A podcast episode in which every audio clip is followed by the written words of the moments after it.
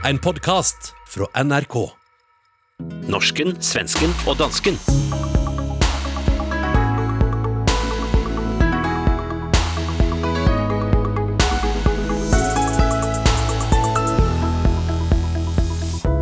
Svensk journalist hadde tette bånd til radikal imam hun lager saker om.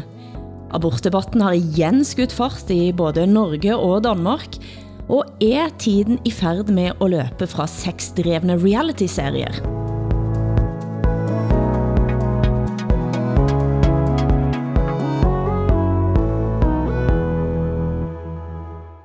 Välkommen Velkommen til ukens panskandinaviske familieterapi, og Hassan, jeg må jo dig, sover du om nätterna?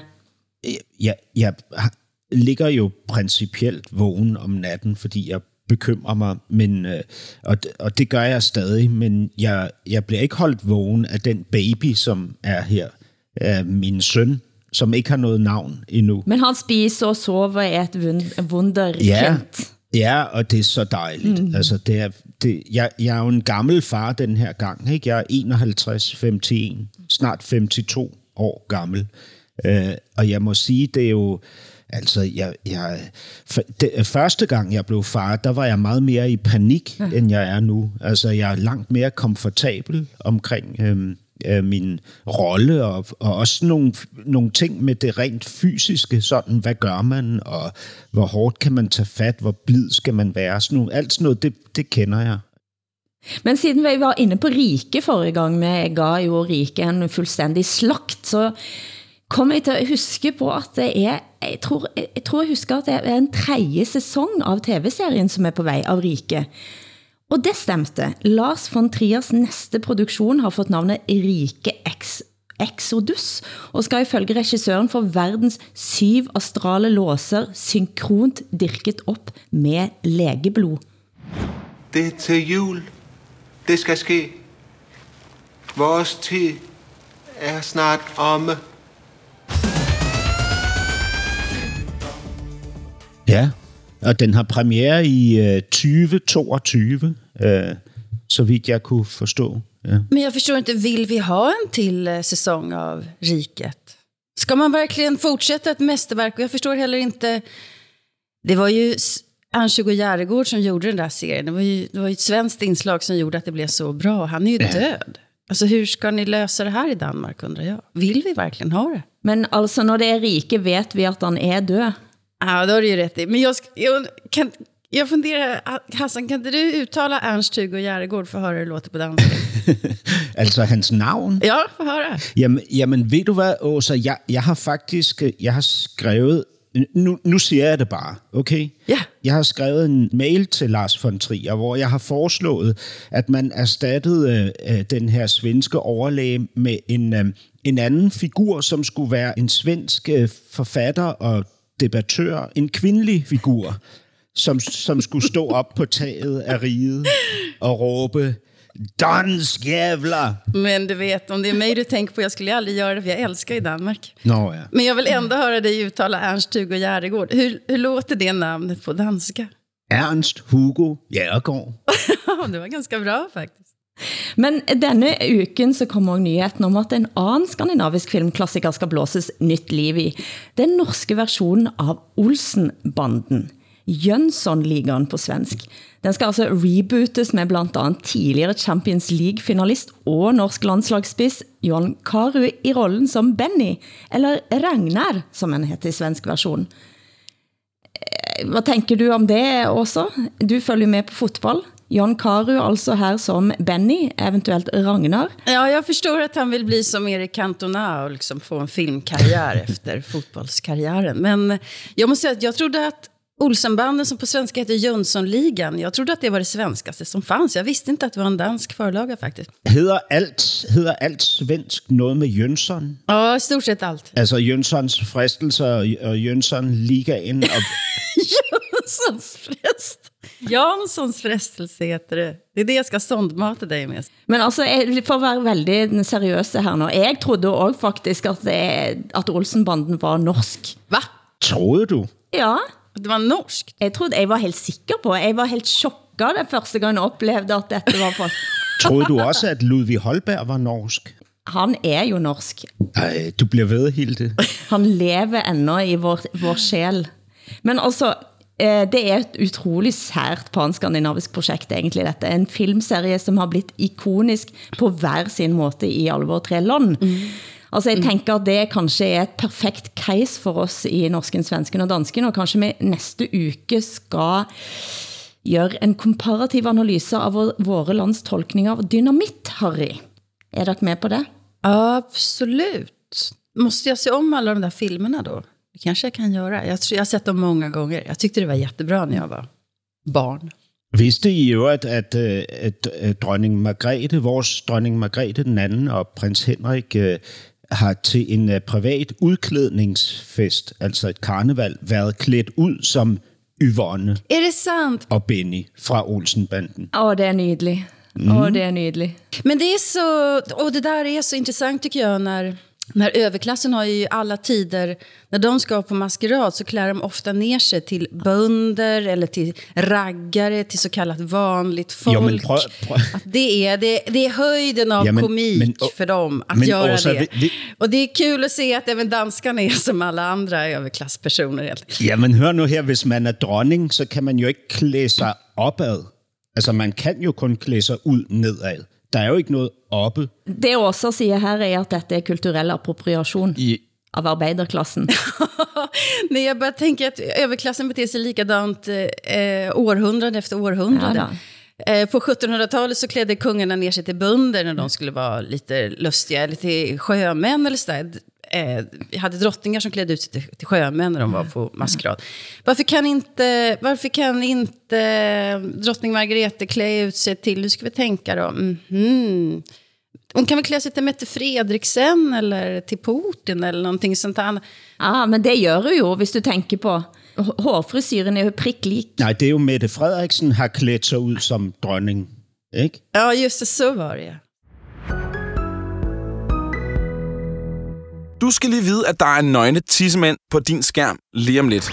Nu smider ultratøjet. Fem tissemænd. Hvad siger I til det? Hvordan har I det med jeres kønsdel? Jeg gik ret sent i puberteten. Jeg lover jer, at vi finder ud af, hvor lang en gennemsnitlig tissemand er. Hvorfor har du valgt at få en øhm, piercing? Føler, det er en del af mig. Vi hører altså lyd fra det danske barne-tv-programmet Ultra smider tøjet, der voksne mennesker stiller sig nakne op foran en gruppe barn, som så kan spørge dem om alt de lurer på, om kroppene deres. Och vi har tidigare här i programmet hyllat detta programmet för att vara både kroppspositiv och gott laga. Men produktionen har nu varit rammad av en skandal och vad har skett Hassan? Ja, det der har er sket, det er, at en, en deltager i det her program, altså en voksen, som har stået foran øh, de her børn nøgen og lavet dem kigge på sin krop, og som dengang udtalte, at han kunne ikke se noget problem i det her. Vi er jo alle sammen født nøgne. Han er nu blevet dømt, øhm, og han er ikke blevet dømt for hvilken som helst ting. Han har fået ni måneders fængsel for seksuelt overgreb på et barn og for besiddelse af mere end 3.000 børnepornografiske billeder og videoer. Altså, skandale. Ikke? Altså, Ja, det jo helt... Åh, herregud. Men, alltså, men jag vill minnas att det var bara jag som var positiv till det där programmet. Jag, jag vill minnas att, att jag sa så, åh det är helt fantastiskt att vuxna människor ställer sig nakna i ett barnprogram och barn får ställa vilka frågor de vill. Och du Hassan sa att du tyckte det var fruktansvärt Ja, det- genant och, och påklistrat och, och sådär. Och sen jag funderar mycket på det, för att jag har fortfarande bilder i huvudet av vissa av de här nakna Ja. människorna i det här programmet. Jag kan vakna av det. Och, och det är bara jättegenant tycker jag så efteråt. Det är gräsligt faktiskt. Crazy program ju, va? fuldstændig sindssygt program, altså. Yeah. Men for, for min del, som jeg tænker, at hvis jeg havde haft små barn, og hade sået og, og sett på det sammen med mine barn, netop for at tænke at det er viktigt at det er og så videre, og så videre, og så havde denne nyheten kommet upp, så ville jeg faktisk, altså det jeg ville ha varit så rasende, og, og synes det havde været så obehagligt. Totalt obehagligt. Ja, jag fattar det nu efteråt. Jamen altså, for mig så vagte det jo minder om min tid som hippiebarn, ikke? Hvor, hvor altså voksengenerationen tænkte og syntes, at vi som børn ligesom øh, også skulle have en, øh, kunne have en aktiv seksualitet, og at vi ikke skulle skærmes mod øh, alle de ting, som Øh, andre vil sige, hører voksenlivet til. Ikke? Og, og man lænede sig jo op af et filosofisk grundlag, som kom fra nogle af de der store øh, eksperimenterende franske filosofiske retninger i 50-tallet og 60-tallet, ikke? hvor man ligesom talte om børns seksualitet som noget, der også skulle udleves. Ikke? Og jeg kan simpelthen huske de der lejre, vi var på, ikke? hvor vi fik taget vores tøj fra os, og hvis vi, hvis vi gerne ville have underbukser på, ikke offentligt, så var vi, blev vi betegnet som reaktionære. Mm. Ikke? Og vores... Men herregud, något sånt har jag aldrig varit med om. Är det sant? Jo, jo, og vores familier skulle skamme sig over øh, børn, børn, som ønskede at være påklædt. Mm. Men fan vad sjukt, jag är också uppvuxen i en vänstermiljö, men inte på det där viset. Absolut inte. Vad intressant. Ni är inte kloka i Danmark. Men också svenske tv-producenter er i hardt uh, vær om dagen. Eh, det populære realityshow Paradise Hotel er blevet taget av luften, efter at flere av deltagarna stod frem og sa at de var utsatta for övergrepp under produktion. Vi kan høre en av deltagerne Jennifer Repartera bli intervjuet på Nyhetsmorgen eh, på TV4. Jag ville ju göra en polisanmälan innan produktionsbolaget hade pratat med mig om det. Ehm, så jag är jätteglad att det liksom kommit igång nu och att man eh, påbörjat en förundersökning helt enkelt och ja, men att hela rättsprocessen börjar, alltså att det börjar hända grejer, att det börjar tas mer på allvar nu. Vad ångestladdat det här har varit och gud alltså jag tyckte verkligen att det var, det var ju tuffare att se det nu än när det faktiskt väl hände. Ehm, för att jag tror att när man ser på det så förstår man mer allvaret i det än när man själv går igenom det. Men det er jo interessant at høre deltageren sige, at det var værre at se, når man kommer hjem, end når det faktisk skedde. Og det er jo interessant case. Et gråzoneovergreb, som vi må anta har blitt filmet, og hvordan kommer domstolen i så fall til at håndtere og tolke videomaterialet? Ikke minst i lys av samtykkeloven. Ja, det är mycket som ställs eh, upp och ner här. Eller som, det är väldigt intrikat. Det är en mardröm juridiskt skulle jag säga. Mm. Men jag läste en... Alltså den, här, den här historien om Paradise Hotel, den har så många andra intressanta inslag, tänker jag. För att vem är ansvarig för att eh, produktionen blir som den blir? Och då var det en väldigt bra, ett väldigt bra reportage i Dagens Nyheter häromdagen.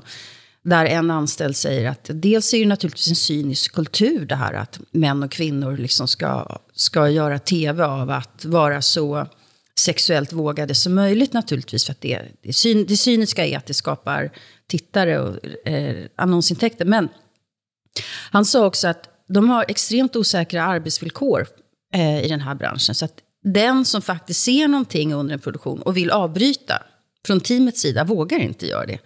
Därför att man är rädd att man ska få sparken för att alla som arbetar där vet att de är utbytbara. Och det gör ju att folk vågar inte ha civilkurage eller stå upp eller professionalitet eller vad som helst. Utan man bara låter kameran gå. Och det var ju ett intressant eh, take på det där, tänker jag. Eh, vilken, hur mycket vågar man säga från när man mm. själv är delaktig i en sån här, i teamet? Ja, och denne uken så kom jo også nyheten om at X on the Beach droppes i Sverige. Citat, vi tror ganska enkelt inte att våra seere vill ha ett sånt, sånt program akkurat nu. Det sa alltså kommunikationsdirektör i Discovery Networks Jessica Lindman till Dagens Nyheter.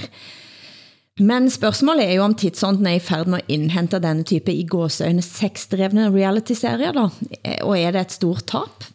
Jag tror ju att den här typen av, den här typen av, av teman som de här serierna behandlar, eh, att människor ska leva ihop, eh, där man inte kan eh, lösa konflikter genom att man eh, lägger på luren eller går hem eller avbryter en vänskap. Alla konflikter måste gå ner i botten. Och där är tanken är också, grundtanken är sex. Det, det är ämnen som finns redan i Bibeln. Alltså det är, det är teman som vi håller på med hela tiden. Rakt igenom i, i konsten på olika sätt. Så jag tror nog att det här kommer att leva vidare fast i en annan form kanske. Man döper om programmet eller någonting. Men det finns, finns absolut en marknad för det här. Det tror jag. Altså, norske Paradise Hotel og Exxon Beach eh, fortsetter. Hva med Danmark, Hassan? Vet du det? Jamen, Danmark fortsætter også med at producere de øh, nævnte programmer. Altså, jeg, jeg, eh, personligt så er jeg jo jeg er ret begejstret for reality. Jeg synes, det er, jeg synes lige præcis, de her programmer øh, er sådan, hvad kan man sige, øh, en dissekeret sandhed. Ikke? Altså, livet handler om sex og magt, og man kan ligesom se, hvordan man kan nå langt i livet ved at være god til at spille de spil, man skal spille for at få sex og opnå magt. Ikke? Øh, og det, altså, det, på en måde så er, det, så er det meget afslappende, at det er så rent og, og så, mm. så utilsløret ikke? Øhm, for mig, fordi jeg går jo rundt i alle mulige virkeligheder i min, øh, altså i de miljøer, jeg, øh, jeg befinder mig i, hvor vi benægter, at det er det her, der er præmissen for vores eksistens, ikke? Fordi vi er sofistikerede, for os handler det om noget andet, og, og hvad hedder det, og der, der ja, ja og som, altså sådan et, et perspektiv, som jeg egentlig synes er meget forløjet, ikke? Fordi øh, når det kommer til stykket, så er det jo Paradise Hotel, det hele, ikke? Altså også de steder, jeg er ansat, øh, og de sociale sammenhænge, jeg indgår i. Jag var, med, jag var instängd ett dygn i Big Brother-huset för många år sedan. Var du? Som, som journalist. Ja, vi var, de låste in en massa journalister. Och det intressanta är att redan efter tio minuter så glömmer man bort kamerorna. Ja. Hade du sex? Nej jag, nej, jag hade inte sex. Jag, jag tyckte det svåra var, eh, nog ingen som hade det tror jag, men det var ju några som började hångla och flörta. Jag tror att något par blev väl ihop där efteråt på bara ett dygn. Det gick inte, alltså vi blev osams på en gång. Och eh, det gick inte att ta vägen någonstans. Så det var extremt intressant, experimentellt. Men vad, vad man också ser det är ju att det är ju en regisserad verklighet. Därför att vi skulle utsättas för ett experiment. Eh, och det var med elektroder av något jävla slag. Och vi ville inte göra det. Och då ledde jag någon slags uppror där, att jag tänker inte göra det här experimentet. Du lagde revolution rätt och slett? På ett dygn? Ja, jag, jag lagde revolution och det var precis när det var uppror på Tahrirtorget också, den arabiska revolutionen. Så det var, vi kallade oss för Tahrirtorget eller någonting sånt där. Ja, oh, selvfølgelig gjorde det. Och Big Brother då eh, säger, okej, okay, om ni inte gör det här exper experimentet med elektroder, då får ni ingen sprit. Ni får ingen alkohol ikväll. yeah. Då utbröt det ju panik bland väldigt många. Men jag måste, det är ju därför jag är här. Så, eh, men eh, det var ju också bara ljug, för det är klart att de var tvungna att ha i oss en massa alkohol för att det skulle bli så kallat bra tv. Men det är väldigt mycket som är regisserat faktiskt. Mm. Men framför allt, jag har sett så mycket reality show. Jag tänkte så här, jag kommer aldrig gå ner i de där fällorna som alla andra gör. För jag vet hur det går till här. Nej, man gör inte det. Du hører norsken, svensken og dansken. Programmet blir sendt i Danmarks Radio, Sveriges Radio og Norsk Rikskringkasting.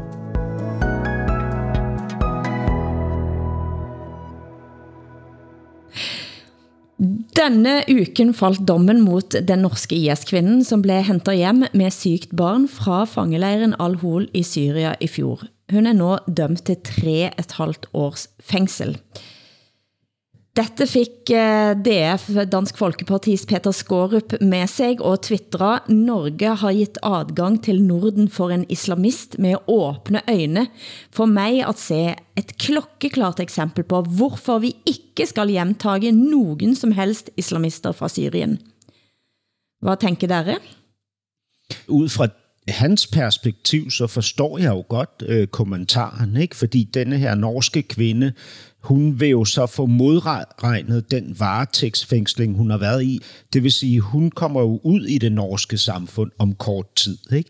Og hvis man, som Peter Skåb jo gør, mener, at hun er til fare for det norske samfund, så er det jo en, altså en reel kommentar. Ikke? Tre et halvt års fængsel for tilslutning til islamisk stat. Måske er hun ude igen om et år, hvem ved? Mm. Jag tänker att det viktiga är att vi tar hem barnen, för att det är ju våra barn. Mm. Men i svenska utrikesministern Ann Linde, hon har ju sagt också att kvinnorna ska dömas där nere på plats för brott som de har begått där nere. Mm. Och jag kan förstå den, den eh, tanken också mm. faktiskt. Men nu har alltså danske myndigheter som de eneste sammen med Ungarn funnet ut att det är tryggt i Syria, Damaskus, och att folk kan sendes tillbaka dit. Det har jo vakt internationell opsigt at det var vår toppsak på CNN for några uker siden, at Danmark svinget til ytre höger i udlændingepolitikken, og Guardian og New, Time, New York Times har fulgt upp i samme stil. Det er eh, en, en, en ganske stor alenegang, når du er sammen med Ungarn. Men denne uken så er det kommet frem, at en svensk journalist har haft tætte bånd til en kontroversiell imam og islamist, som hun har laget og dækker saker om. TV Expressen TV har mer om saken. Sveriges Radio har agerat på en koppling mellan Ekots redaktion och islamisten Rad Aldoan. Det avslöjar tidningen Doku idag. Det var under hösten 2019 som Ekot granskade flera fall där islamister klassats som hot mot rikets säkerhet av Säpo. Doku kan avslöja att det är en reporter som var drivande i granskningarna nu har flera privata kopplingar till Rad Aldoan. Islamisten är skriven hos reporterns mamma. Doku har uppgifter om att Rad Aldoan även bott hos reportern, något som bekräftas av uppgifter till Expressen. Först också, vad vill det egentligen, vad betyder det att han var skriven hos mamman? Han hade sin, eh, sin bostadsadress registrerad där, det var där han bodde. Ah, ja, nettopp. Men det, är alltså, det handlar alltså om eh, im, imamer eller islamister i Gävle, två timmar norr om Stockholm som Säpo menar är, utgör ett hot mot rikets säkerhet. Och den journalisten på Sveriges Radio då, som har granskat det där, hon har då eh, nära kopplingar och eh, kan man också då gissa eh, ideologiska eller politiska motiv. Mm.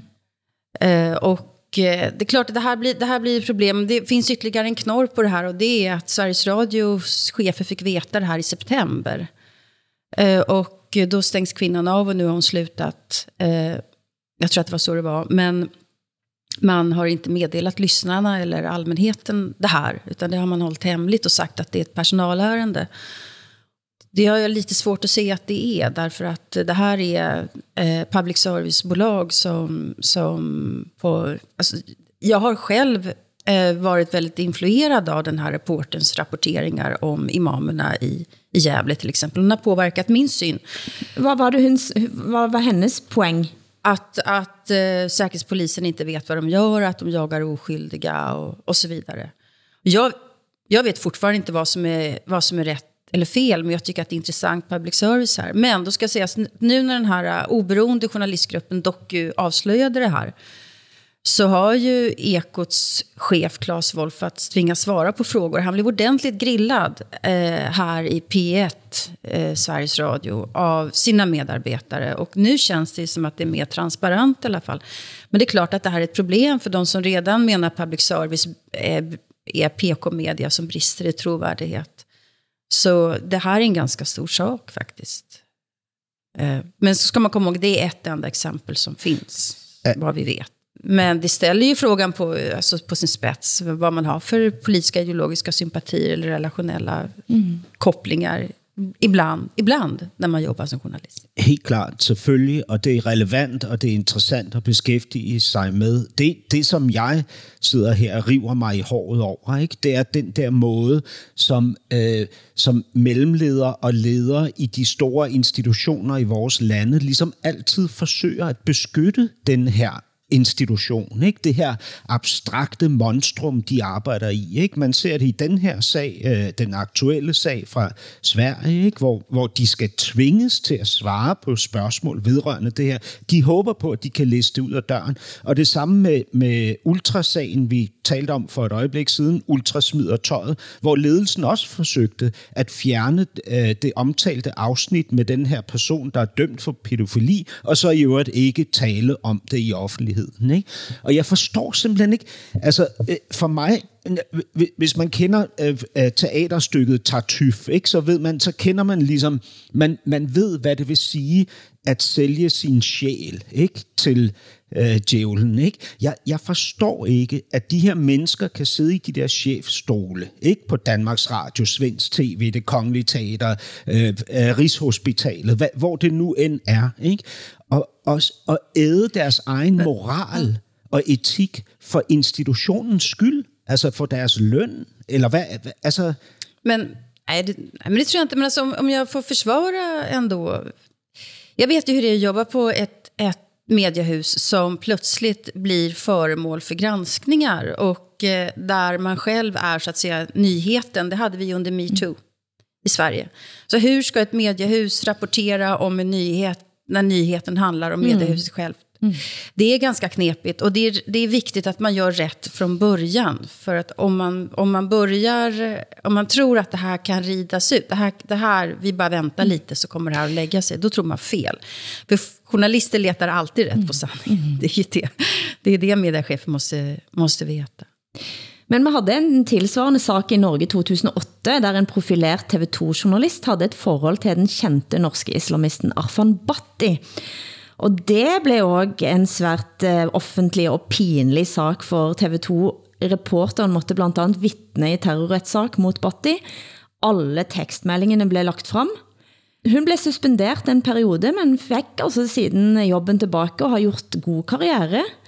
Eh, Medie-Norge blev beskyldt for at dysse ned saken. Og fremdeles så er det på et vis en ikke-sak. Ja det, är, ja, det är så svårt att diskutera enskilda fall. Alltså, det, det kan ju vara... Är det en bra journalist? Altså, det jeg lurer bare på er om det ville ha vært mulig i dag, om det har skjedd nogen ting mm. på, på de årene. Ah, när sa du att det här var? 2008. ah, då förstår jag bättre. Ja. Nej, det hade inte varit möjligt idag. Det tror jag inte. Men saker som dette styrker gjerne eh, Sverigedemokraternas väg in i regeringen da også, som det nu är blivit åbnet upp för. Nej, de kommer inte in i regeringen, Sverigedemokraterna. Men, men eh, högersidan i Sverige har ju kommit överens om en migrationspolitisk överenskommelse. Och de blev genast osams samma dag som de presenterade det där. Eh, och så hade vi en stor partiledardebatt. Eh, vi har nio partier i riksdagen, det är inte klokt. Och alla partiledare stod och skrek åt varandra. Enormt högt tonläge när det gäller migrationsfrågan. Men egentligen så är de i stort sett överens. Eh, alla utom två partier. Så att det var, alltså Socialdemokraterna är med på nästan alla de här förslagen som högersidan har lagt. Så det är väldigt mycket teater i Sverige. Det är 500 dagar kvar till valet, ungefär. Det, det kommer vi att prata mer om i den här podden, för det, det kommer att bli en cirkus. Dansk Folkeparti jubler, så jeg på Twitter, og ønskede selvfølgelig sitt eh, søsterparti eh, med stort gratulerer. Helt klart. Dansk ja. Folkeparti skriver tillykke. Uh, det er godt nok et årti for sent, men forhåbentlig kan Sverige stadig reddes. Var det så de skrev?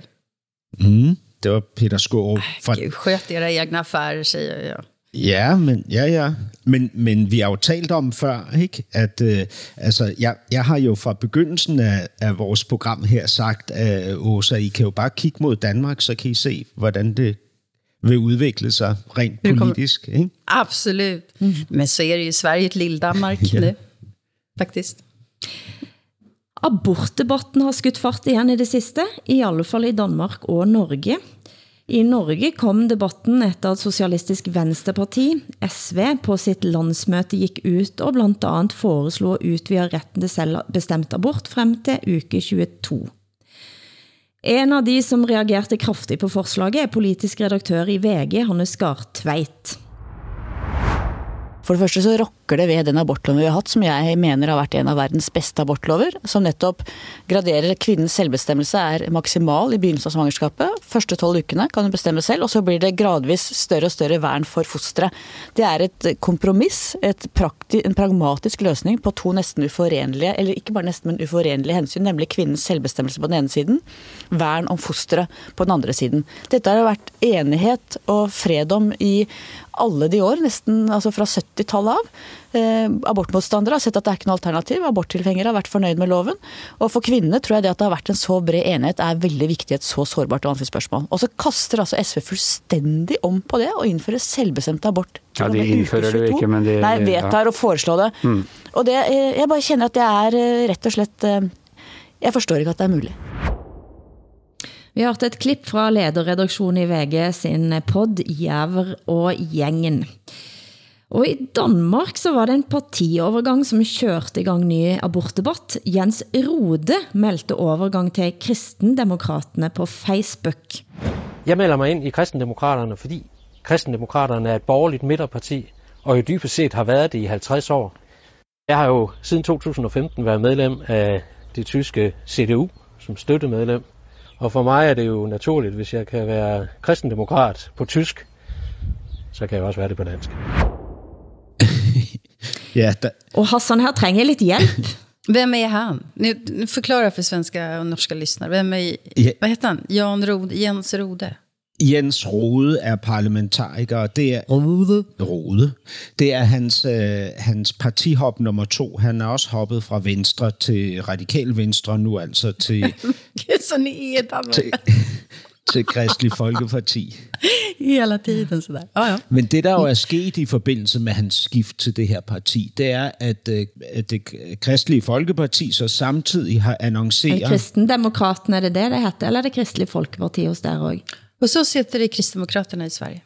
Det hedder også Kristendemokraterne. Det er rigtigt. Det, det hed Ja, før i tiden, ja. ja. hed det uh, Kristelig Folkeparti. Folkeparti. Ja, det hedder Kristendemokraterne. Mhm. Uh, du har fuldstændig ret. Uh, nå, men altså efter han skiftede, har de jo så uh, officielt ændret deres holdning til abort. De ønsker ikke længere at, uh, at øh, gøre abort øh, ulovligt, men de ønsker nu at nedbringe antallet af aborter i Danmark. Øh, Jens Rode argumenterer med, at cirka 10 procent af de 15.000 aborter, der bliver foretaget i Danmark, ender med, at kvinden er meget ulykkelig, altså har det skidt efterfølgende. Og det er ligesom argument for at skulle ønske at nedbringe antallet af aborter, øh, for eksempel via øh, psykologsamtaler, lægesamtaler og sådan, i forbindelse med et ønske om abort. Ikke? Men, men det har jo skabt øh, en, en stor, voldsom debat. Øh, kvindesamfund når flere af de andre partier er ude og, og går hårdt til Jens Rode og øh, kristendemokraterne, som de mener har en fortsat skjult agenda om at, øh, at sikre, at der ikke bliver foretaget aborter i Danmark. Ikke? Sikkert en agenda, som så skulle være religiøst betinget ifølge kritikerne, ikke? vil jeg tro. Altså, Hanne Skartveit i VG mener at forslaget fra SV da er et forsøg på, forsøg på at ri en stemningsbølge. Og det kan åpne for en, eller ikke bare kan åpne, vi ser vi står nå i den abortdebatten, som vi har undgått så langt med ja, hva skal si, amerikanske tilstander. Nå er plutselig Facebook-feeden og legger folk ut igjen bilder av fosteret, hvor langt de er kommet. Altså Det blir beinhardt. Og at, at dette egentlig er skapt av en stemningsbølge, tror jeg, på begge sider, hvor man ser at det her ligger det politikk. Å sette så vanskelig følsomme spørsmål i spill fordi noen kan vinne politisk på det, det syns jeg er uverdig og sier dårlige ting om norsk politikk akkurat nå. Eh, Men eh, det er et, det er et, det er et stort alvorligt spørgsmål. Jeg synes det er næsten er på gränsen til ubehagelig at diskutere. Jag tycker att det är svårt att diskutera det här. Jag blir lite förvånad över att Norge skulle gå ännu längre än Sverige. Eh, I Sverige så är det fri abort fram till vecka 18. Och sen är det Socialstyrelsen som beslutar om synnerliga skäl föreligger. Alltså att Mm. barnet är gravt missbildat. Och så här har lagstiftningen sett ut sedan 1974. Och i Sverige så har vi, jag var tvungen att kolla upp det. För jag blev så förvånad över att ni har en debatt i Norge och Danmark. Vi har inte det i Sverige. Mm. Sverigedemokraterna försökte dra igång en abortdiskussion förra valet. Och de förlorade så många kvinnliga väljare så de kommer aldrig mer att göra det. Men i Sverige så aborteras mellan 30 och 38 000 barn per år. Och i Danmark är det 15 000. Och det är ganska jämförbart då, eftersom vi är dubbelt så, så många i, i Sverige. Mm. Åt, alltså 80 procent av alla tonårsgraviditeter avbryts därför att det finns abort. Och det är klart att då är ju önskemålet att man ska få ner antalet aborter. Men, men det, det skulle jag säga är ganska viktigt. Och det, men det får man ju genom upplysning och stöd och råd och hjälp. Sen också ska jag säga att, att antalet aborter har minskat kraftigt under coronaåret. Därför att det blir inga oönskade graviditeter när man inte får träffa folk. Men, men alltså, det, det är ju, eh, Hilde, som du säger är det ju... det är en mega svær debat, ikke? og den er ubehagelig, det er der ingen tvivl om. Og man kan jo også se på reaktionerne, at det er nærmest ikke til at diskutere det her. Og det er jo også mm. derfor, jeg synes, at det, som øh, der blev argumenteret for i indslaget her, ikke? Øh, at det at det er vanvittigt at begynde at introducere en forandring af lovgivningen, fordi man skubber til alt det, som er øh, forhandlet på plads på et tidspunkt med stort besvær. Ikke? Fordi der er mange Ja, for det er skørt. mm. fordi der er mange hensyn, der skal tages. Ikke? Mm. Men, men, Nej, jeg tror men også, det altså er- nu, Mm. M- Mette Frederiksen er selvfølgelig også ude i den her sag, hvor statsminister siger, at, øh, at der kan ikke være nogen diskussion om det her. Vi skal ikke gå på kompromis retten til abort er, øh, må ikke anfægtes overhovedet. Ikke? Men det bliver den jo, fordi i Danmark må du abortere frem til 12. uge. Du må ikke abortere senere. Og hvis man skulle forfølge det princip, som mm-hmm. hun introducerer, ikke? Så, så er det vel, at så længe fosteret er inde i morens øh, mave, så tilhører fosteret morens krop. Og princippet er jo, at kvinden skal have fuld bestemmelse over sin egen krop. Ikke? Så ifølge det her princip, ikke? og nu siger jeg noget, som jeg godt ved er ubehageligt, men ifølge det princip, så burde man jo øh, kunne foretage en abort indtil barnet er født. Ikke?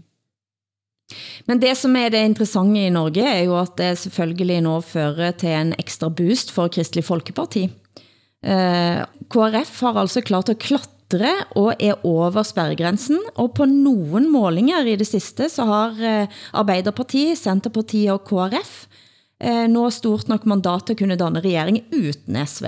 Så det är poli eh, kompliceret politisk spel og her. Jag måste, jag, jag, det är så spännande att jämföra hur olika det är. Därför att när krist, vårat krist, Kristdemokraterna i Sverige, när det avslöjades inför eh, valet att de har en Europaparlamentariker som, som medierna har rapporterat i alla fall, mm. eh, röstat emot, eller att man ska försvåra aborträtten. Det är så det har rapporterats. Han hävdar att han inte har gjort det, men hur som helst. Då förlorade Kristdemokraterna väldigt mycket i, eh, i stöd. Mm. Därför att den svenska abortlagstiftningen är så grundmurad. Så att de partier som försöker ändra i abortlagstiftningen, de förlorar rejält på det. Både Sverigedemokraterna och Kristdemokraterna. Men i Danmark kan man alltså avancera om man gör det som kristdemokratiskt parti. Och det kan man också i, KR, i KRF i Norge. Åpenbart. Och i Norge också. Mm. Otroligt intressant är det. Vilka skillnader vi har. Et annat spørgsmål, som, kom, som du er innom, Hassan, er eh, så vidt er retsvern for fosteret. Det er der også nogle stemmer, som er ute og diskuterer nå. Eh, men som også diskuterer arbetsvillkor for de som eh, jobbar jobber og som utfører abortene. Den diskussionen har vi haft i Sverige också. Det är en, en, eh, tror, ja, en kristen sjuksköterska som har drivit ända upp till Europaparlamentet att hon vill inte göra abort. Men då då får man nog välja sig ett annat yrke i så fall, eftersom lagstiftningen ser ut som den gör. Alltså, jag kan ju gott se i Danmark, att man, man får några hårda rapp över nallarna, som det heter. Alltså, man blir slået över fingrarna om man, øh, man indikerar att det kunde vara andre, hvad kan man sige, parter i den her øh, frygtelige situation, som skal beskyttes end kvinden. Ikke? Altså, dagsordenen er ligesom kvindens øh, selvbestemmelse over egen krop. Ikke? Det, det er den drivende dagsorden, og, og du bør ikke gå op imod den. Det er, det er klart og tydeligt. Så bliver du defineret som en... Øh, ja, som ett, ett religiöst vanvidsmenneske först och främst, vill jag tro. Ikke? Men det är två olika frågor i det här. Det ena är hur vidsträckt aborträtt ska man ha? Och den andra är, ska kvinnan själv bestämma över sin kropp? Mm. Det är två lite olika mm. frågor skulle jag säga. Och det, det, är ju naturligtvis ett jätteproblem för män som, som tvingas bli föräldrar mot sin vilja. Eller som eh, där kvinnan aborterar mot mannens vilja. Det är klart att det är två vuxna människor i det här. Och då, för några år sedan, så, så vet jag att eh, Liberalernas ungdomsförbund, de, eh, de fattade ett beslut att de ska strida för att man kan göra en juridisk abort som man. Det vill säga att under samma period som kvinnan har aborträtt så har mannen eh, en juridisk aborträtt att avsäga sig faderskapet om man inte vill bli pappa. Mm. Eh, argumentet är då att inga, inga barn ska behöva ha fäder som de inte vill ha. eller någonting sånt där. Eh, det här är ju otroligt kontroversiellt och de fick jättemycket kritik. Men det är ändå ganska intressant eh, att de, de, de, de planterar en tistel faktiskt här, när de säger att vi måste också diskutera männens rättigheter i det här. Det är intressant som ett tanke, tankeexperiment. Det, det, ja, det är väldigt spännande, tycker jag. Ja. Jeg kan godt mærke, at jeg sidder her og vrider mig i min stol lige nu. Ikke? Og ja, jeg, jeg ser og det. Vi ser ja, det på skærmen. Og jeg, prøver, jeg tænker, hvad, hvad er det, der sker? Er jeg, er jeg ved at blive... Hvad er, ved at, hvad er det, der sker? Men, men det, det jo handler om for mig, selvfølgelig, det er, at lige herinde ved siden af, der ligger min nyfødte søn. Ikke? Og, og når vi taler om de her ting, det, altså, det vrider sig inde i mig. Ikke? Det er simpelthen mm. øh, altså, øh, fysisk ubehag ved tanken om abort lige nu. Ikke? Fordi jeg er så forelsket i det her menneske, som kom til verden. Ikke? Øh, øh, ja, altså det... det åh, hvad fanden skal man sige? Jeg så, jeg så en dansk dokumentar faktisk, eh, som, eh, med en journalist som da under dække av at være gravid reiste til Spania for at få utført abort. Jeg tror til og med det var så sent som i uke 25. Ja. Eh, og man redder, man redder babyer som blir født i uke 25. Så det er, det er, en... Eh, det træffer noget i mig, som jeg synes er veldig vanskelig at snakke om, for de er selvfølgelig mener, at kvindens selvbestemmelse over egen kropp ska skal trumfe veldig mye.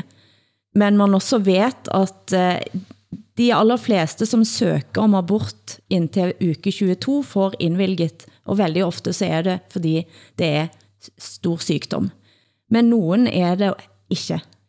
Og der känner jeg, at det, der, der brytes det i mig med tanken på att ta ut et foster som er 22 uker.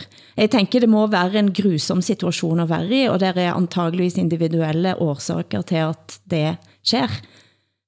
Og så samtidig så, altså det er, samtidig så er det sådan at stadig flere pladser i Europa, så blir denne retten, som kvinnan har over sin egen kropp, er oppe til forhandling.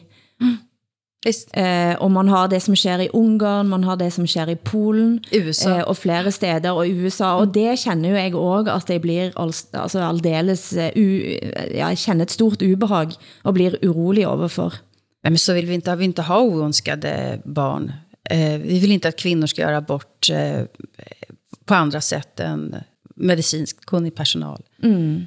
Mm. Vi vill eller vi vill, så, så, så tänker jag i alla fall att det är faktiskt överordnat ens egna erfarenheter av de barn som man själv har fått. Mm.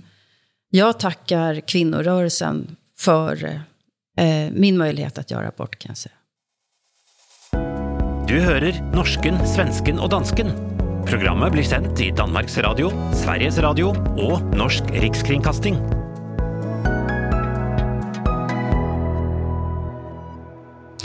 Men vi skal altså prise oss lykkelige over at vi er på radio og ikke TV, slog det mig. Da jag forrige uke kom over et klipp fra God Aften Live med den danske TV-verten Jan, Janni Pedersen. Her fortæller hun om kommentarer hun får, når hun er på skærmen. Jeg får en del henvendelser, og en ud af handlar handler tit om noget journalistisk, men øh, de sidste ni er af meget, meget anderledes karakter. De handler om mit udseende, og som I kan se her, få din klamme, mega store vorte væk fra højre kind på forhånd. Tak, der er også en kvinde, der har skrevet til mig, at øh, udover at jeg skal væk fra godmorgen, så skal jeg også altid kloge mig, og min tøjsmag er forfærdelig. Find en hårstil, der kan dække den meget, meget høje pande. Og mange af dem, de handler faktisk også om, at øh, jeg er for gammel og for furet til at se i tv. I kan se, her er vorten, og her er rynkerne, der er også rynker på hænderne, og at TV2 der har kønnere og yngre studieværter, som jeg ligesom burde vi pladsen til. Har du egentlig overvejet nogensinde så at øh, bare lukke munden på alle de der mennesker ved at få lavet et eller andet? Øh, sprøjte noget Botox i panden eller et eller andet? Det kommer aldrig til at ske. Mm. 30.000 likes, over 600.000 visninger på Facebook. Det kan tyde på at uh, Janni Pedersen har truffet uh, nerve. ja. Hun det er jo fantastisk, ja. ikke? Altså, det er jo, hvad hedder det?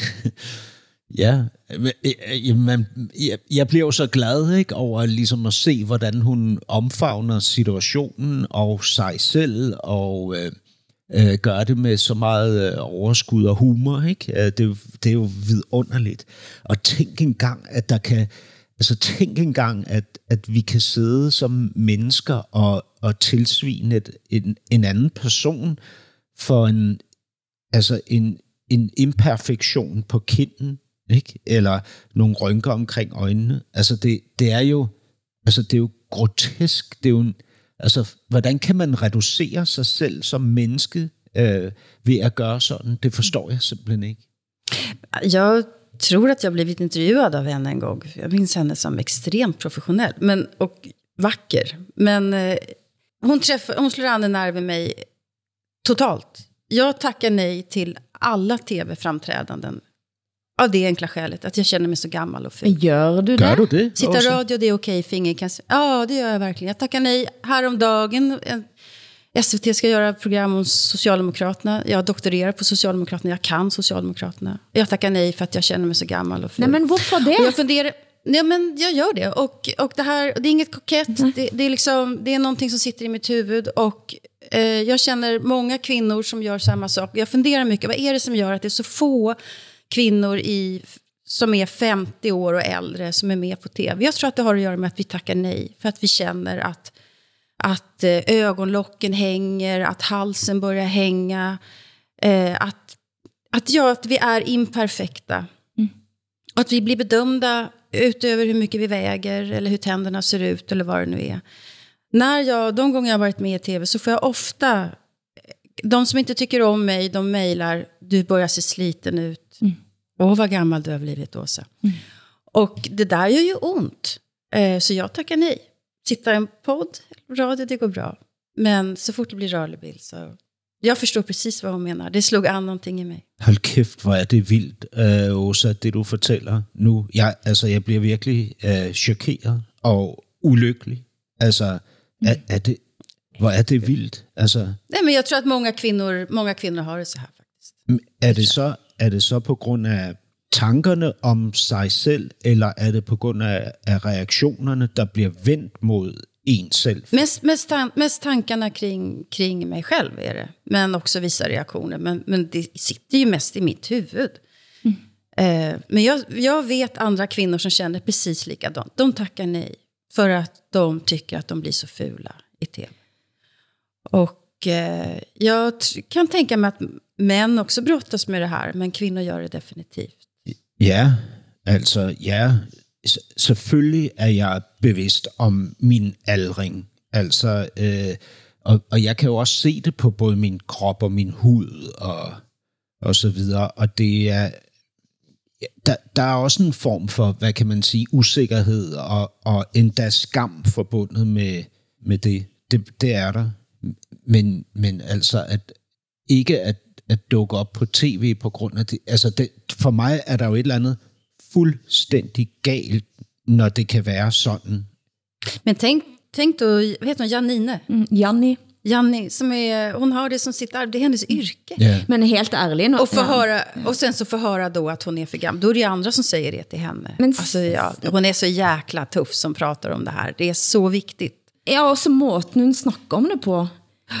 Hun har jo både en enorm stor utstråling, kommer gjennom skærmen, og snakker om det så med kroppen plantet fuldstændig på, på jorda. Med, jeg tror Janne er blitt min nye helt. Men så blir jeg, så- altså jeg blir, jeg blir faktisk lei meg, jeg, også når, når jeg hører at du tenker på den måten.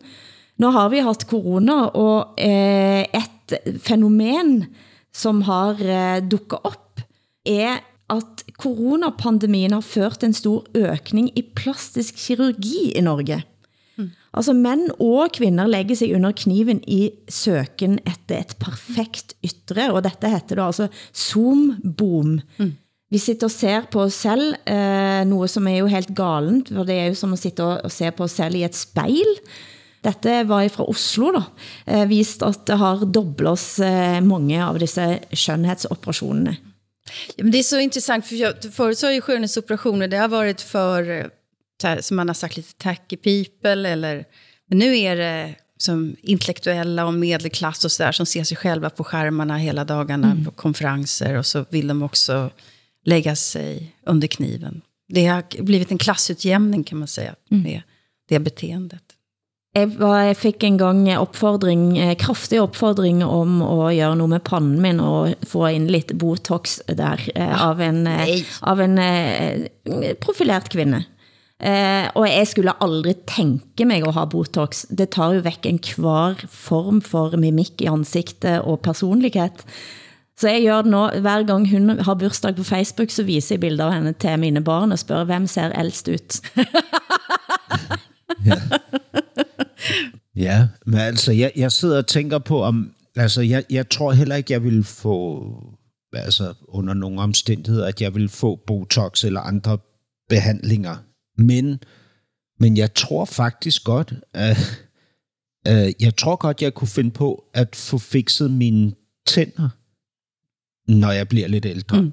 Altså, Ja, varför inte? Altså, hvis, hvis, jeg, hvis jeg føler, at de bliver, bliver for, for mørke i farven øh, øh, mm. af, mm. af al den kaffe, jeg drikker og så videre, mm. så tror jeg godt, jeg kunne finde på.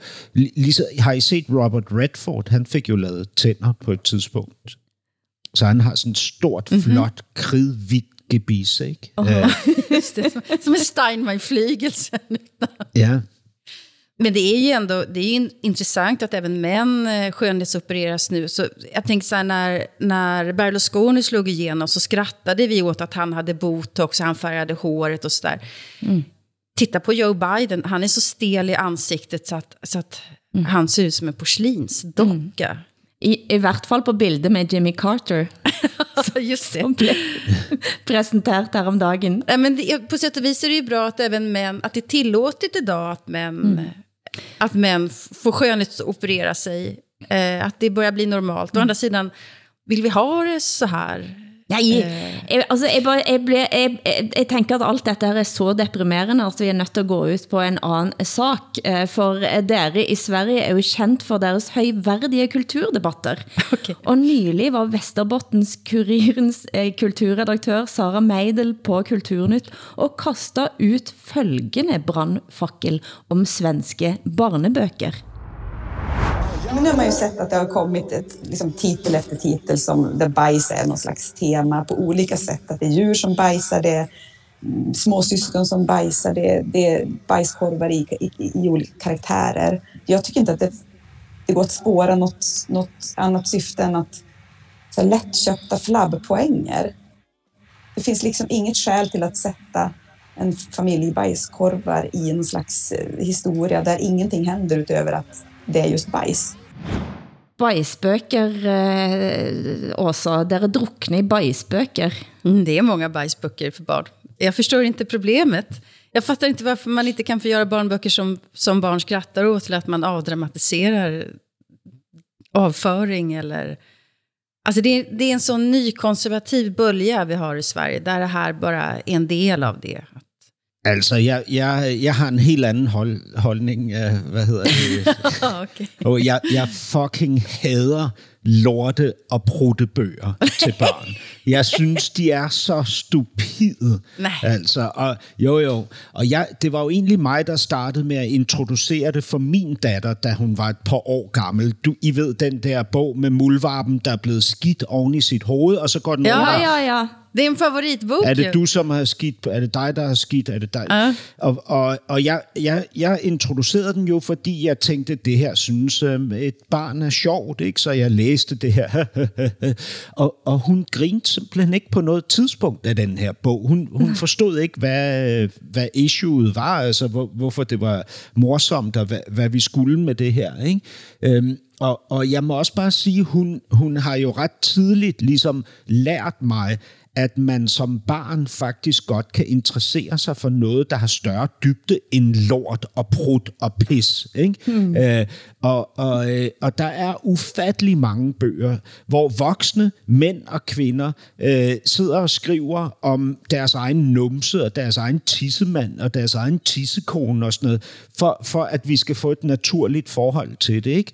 Og hvis jeg ligesom går ind i det her nu, så må jeg sige, at jeg får det også med det, som om jeg er tilbage i den åndssvage hippie-lejr, ikke? Hvor, nogle, hvor, nogle, øh, hvad hedder det, hvor man har sådan en forestilling om, at alt ligesom skal debatteres og reduceres, og så får vi det godt alle sammen, så er vi på niveau og sådan noget. Men hvad med den skønne, smukke litteratur? Altså, jeg begyndte, jeg, jeg, vi, vi fjernede alle de danske lortebøger, og så begyndte vi i stedet for at læse finsk øh, øh mumitrol øh, litteratur, ikke? som är fantastisk. Ja, de, de kissar och bajsar inte överhuvudtaget Mumintrollen. Nej, nej. De har inte sex och de har ingenting. Men de har skräck och angst. Och de har hufsa. De har skräck och, skräck och Jag vill re rekommendera... När jag var barn så fick jag sprätten satt på toaletten. Det var en, en kapitalist som bajsade ner hela världen. Ja, selvfølgelig gjorde han det. eh, och en annan favoritbok som kom när min son var liten heter Bajsmannen. Den är fruktansvärt oh. rolig. Det är, mm. det är en vandrande... Alltså det läggs bajs överallt. Och pannkakorna. Oh. I pappas öl. Och... Det är fantastiskt, vilken bok. Drömmer. Den går inte att få tag på. Jag har den här hemma, jag ska skicka. Jag ska skicka den till Sven. Ska jag. Det blir siste ordet i no ukens Norsken, Svensken og Dansken. Producent har varit Henrik Hylland Ulving, tekniker Miriam Kirkholm, Tack til Hassan Preisler i København, Åsa Linderborg i Stockholm. Jag heter Hilde Sandvik och är i Bergen. Om du inte har fått nok, kan du checka ut vår podcast-feeder hos eh, SR, DR och NRK, eller där du liker att høre på podd. Vi hörs igen om en uke.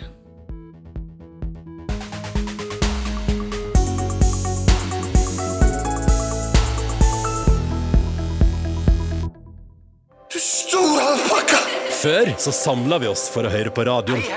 Nå lytter vi på hva vi vil, når vi vil, og mest for oss sjøl. Vi lytter for å fylle ventetid, bli underholdt, oppdatert og litt klokere. Vi lytter for å la oss bevege av sterke historier. Eller bare av musikk. Så selv om mye har forandra seg, er det viktigste som før. Podkast og radio samler oss for selv om vi nå lytter mest for oss sjøl, er vi aldri aleine når vi hører på. NRK Radio vi hører sammen. Hør podkaster og din NRK-kanal i appen NRK Radio.